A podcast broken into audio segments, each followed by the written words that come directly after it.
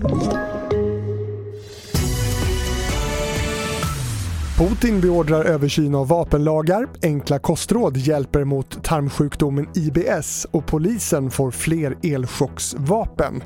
Det här är TV4-nyheterna som börjar i Ryssland där elever rapporterats i panik ha flytt genom fönstren när en skola i ryska Kazan attackerades tidigare idag. Minst 11 dödsoffer ska ha krävts i miljonstaden öster om Moskva och händelsen får president Putin att beordra en översyn av Rysslands vapenlagar. Upp till en miljon svenskar lider av IBS. Symptomen är smärta, uppblåst mage och diarréer och är ofarliga men ändå obehagliga. En ny pilotstudie från Lunds universitet visar att enkla kostråd hjälper mot den plågsamma tarmsjukdomen och resultaten är lovande.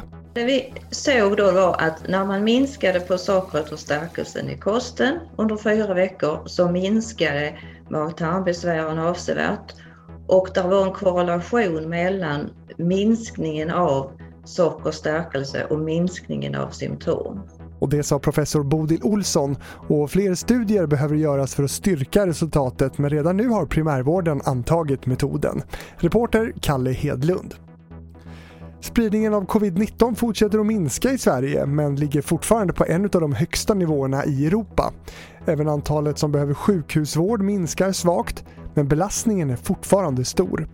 Folkhälsomyndigheten avvaktar ytterligare några dagar med besked om de aviserade restriktionslättnaderna i nästa vecka verkligen kommer genomföras.